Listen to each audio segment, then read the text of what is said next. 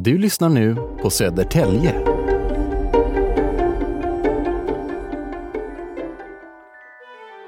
Du känner säkert till 91an Karlsson, eller Mandel Karlsson, som han egentligen heter. Den oskuldsfulle värnpliktssoldaten vid Klackamo regemente.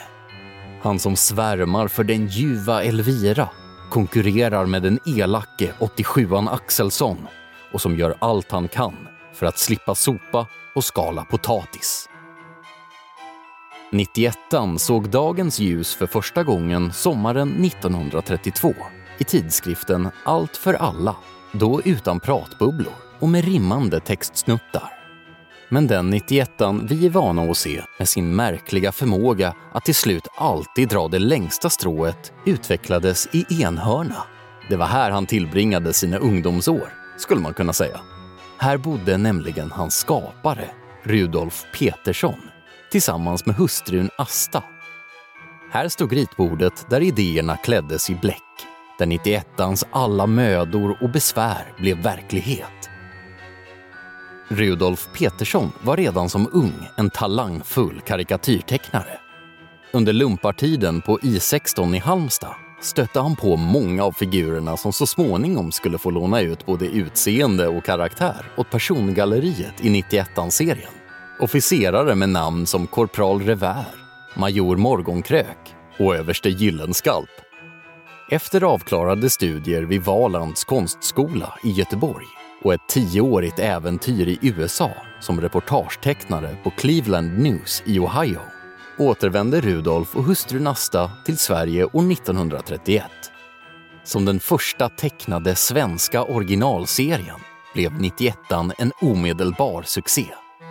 Figurens vänliga sinne slog an något i den svenska folksjälen och läsarna tog honom till sig.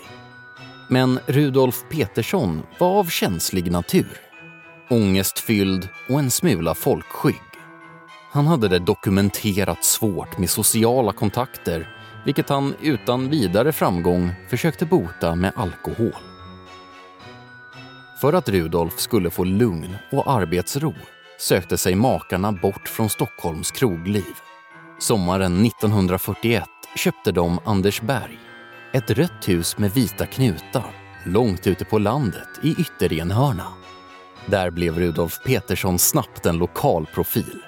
Han deltog i livet på bygden så långt hälsan tillät och gladde sig åt att folket i trakten visade respekt och lät honom vara i fred. Han arbetade på morgonen när sinnet var fräscht och fantasin vaken. Och han testade ofta sina uppslag till berättelser på hustrun. För om Asta skrattade visste Rudolf att det även skulle fungera på läsarna.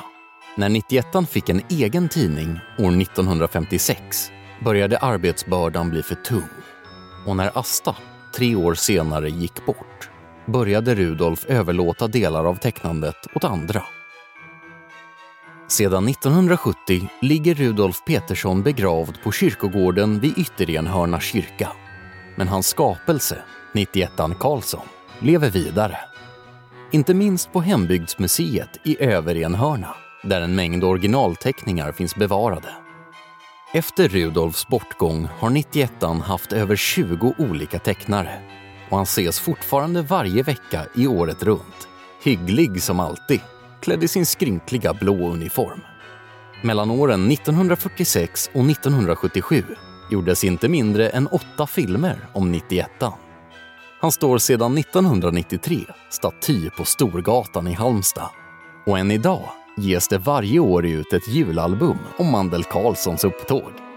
91an har hunnit fylla 91, men han är onekligen still going strong. Du har lyssnat på Södertälje